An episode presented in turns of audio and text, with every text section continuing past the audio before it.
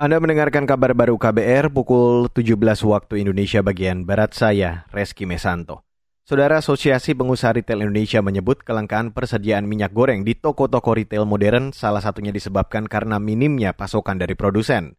Sekretaris Jenderal Aprindo Solihin mengatakan, hal itu membuat toko-toko retail tidak bisa melayani masyarakat yang membutuhkan minyak goreng satu harga Rp14.000 per liter. Adalah kita membuat order mas kepada tentunya para distributor atau prinsipal ya mas ya. Alhamdulillah servis level atau pemenuhan order itu sampai dengan kemarin sekitar 6 persen mas. Ya, pemenuhannya. Jadi kalau kita order 1000 karton yang dikirim 60 mas. Nah kalau ditanya penyebabnya apa, ya bisa bayangkan seperti itu mas kejadiannya. Kalau saya pesen 1000 karton, ya mas ya, contoh ya. Kalau perusahaan saya buka order 1000 karton. Alhamdulillah dipenuhi 60 karton, Mas. Hanya 6 persen ya, sekali lagi ya.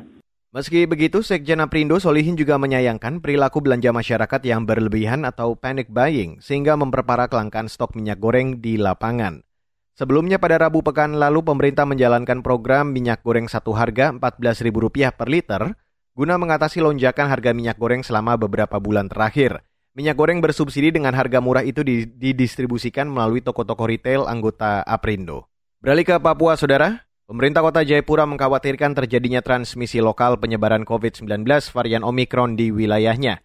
Saat ini telah ditemukan sebanyak 11 orang terpapar varian Omikron. Wali Kota Jayapura Benhur Tomi Mano mengatakan belasan orang itu bukan warga ibu kota provinsi Papua, melainkan warga dari luar Papua yang melakukan perjalanan masuk lewat Bandara Sentani di Kabupaten Jayapura. Hari ini data yang saya terima sudah dari 5 naik dari 6 naik menjadi 11. Itu semua adalah orang yang masuk dari luar lewat uh, pelabuhan udara. Yang kami takutkan terjadi transmisi lokal ini yang kita harus antisipasi. Ya bahwa saya 11 orang ini bisa sembuh dalam pengobatan. Wali Kota Jayapura Ben Hur Tommy Manu meminta pemerintah Provinsi Papua memperketat pintu masuk daerah untuk mencegah meningkatnya kasus Omikron di sana. Saat ini pemerintah Kota Jayapura membatasi pintu masuk ke wilayahnya, terutama di areal pelabuhan. Setiap warga yang tiba di Kota Jayapura menggunakan akses laut wajib menjalani pemeriksaan sampel dan dokumen kesehatan sebagai syarat perjalanan. Masih seputar COVID-19, Saudara, pemerintah Tiongkok mengklaim warga negara asing yang berada di wilayahnya terlindungi dengan baik dari COVID-19.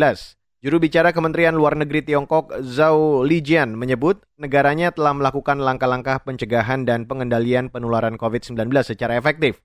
Sebelumnya, para diplomat Amerika Serikat yang bertugas di Tiongkok ramai-ramai ingin tinggalkan negara tirai bambu itu karena tak tahan pada aturan ketat yang diterapkan untuk mengendalikan kasus COVID-19 di sana. Pemerintah Tiongkok pun mendesak Amerika Serikat agar mempertimbangkan kembali pemulangan para diplomatnya tersebut. Tiongkok menganggap evakuasi dari negara itu justru akan membuat personel Amerika Serikat terpapar risiko lebih besar.